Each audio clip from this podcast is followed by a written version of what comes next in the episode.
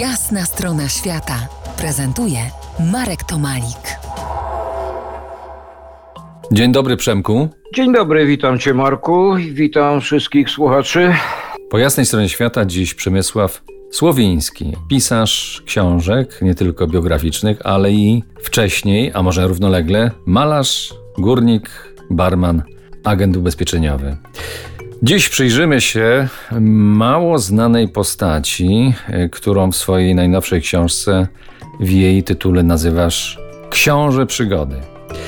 Kim właściwie był Ferdynand Antoni Osendowski? Jego postać jest niezwykle tajemnicza. Ha, dobre, dobre pytanie, kim był. Łatwiej by było chyba odpowiedzieć, kim nie był, bo e, w biografii, którą napisałem, o której łaskawie wspomniałeś, to zabiera mi to około półtorej strony pisanie, kim on był. Ja tu się zaraz mam tą książkę, pozwolę się posłużyć wyjątkowo tutaj, bo potem już sam będę gadał, ale posłużę się tutaj książką i przeczytam taki fragmencik, bo spamiętać tego nie jestem w stanie.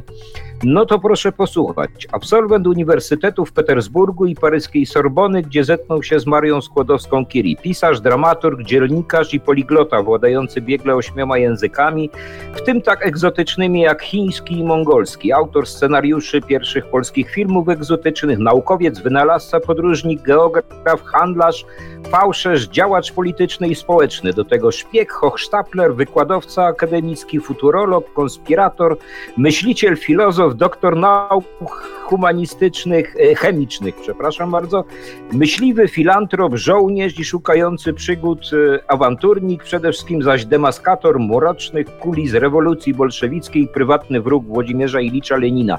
A co najbardziej warto wspomnieć, jest to, czy był to wybitny pisarz, który wydał ponad 80 milionów swoich książek na całym świecie, tłumaczonych na 30 języków kiedyś w latach międzywojennych uchodził za jednego z najlepszych pisarzy w świecie. Porównywany był do, do takich osób jak, jak, jak Metterling, e, jak Rudyard Kipling. No postać niezwykle przestronna, bardzo barwna, jak wspomniałeś, również tajemnicza, bo jego działalność do dzisiaj nie wiadomo tak do końca, czy opiera się, kiedy opiera się raczej na, na prawdzie, kiedy na legendzie, o co zresztą on sam skutecznie dbał, tworząc wokół siebie taką aureolę tajemniczości.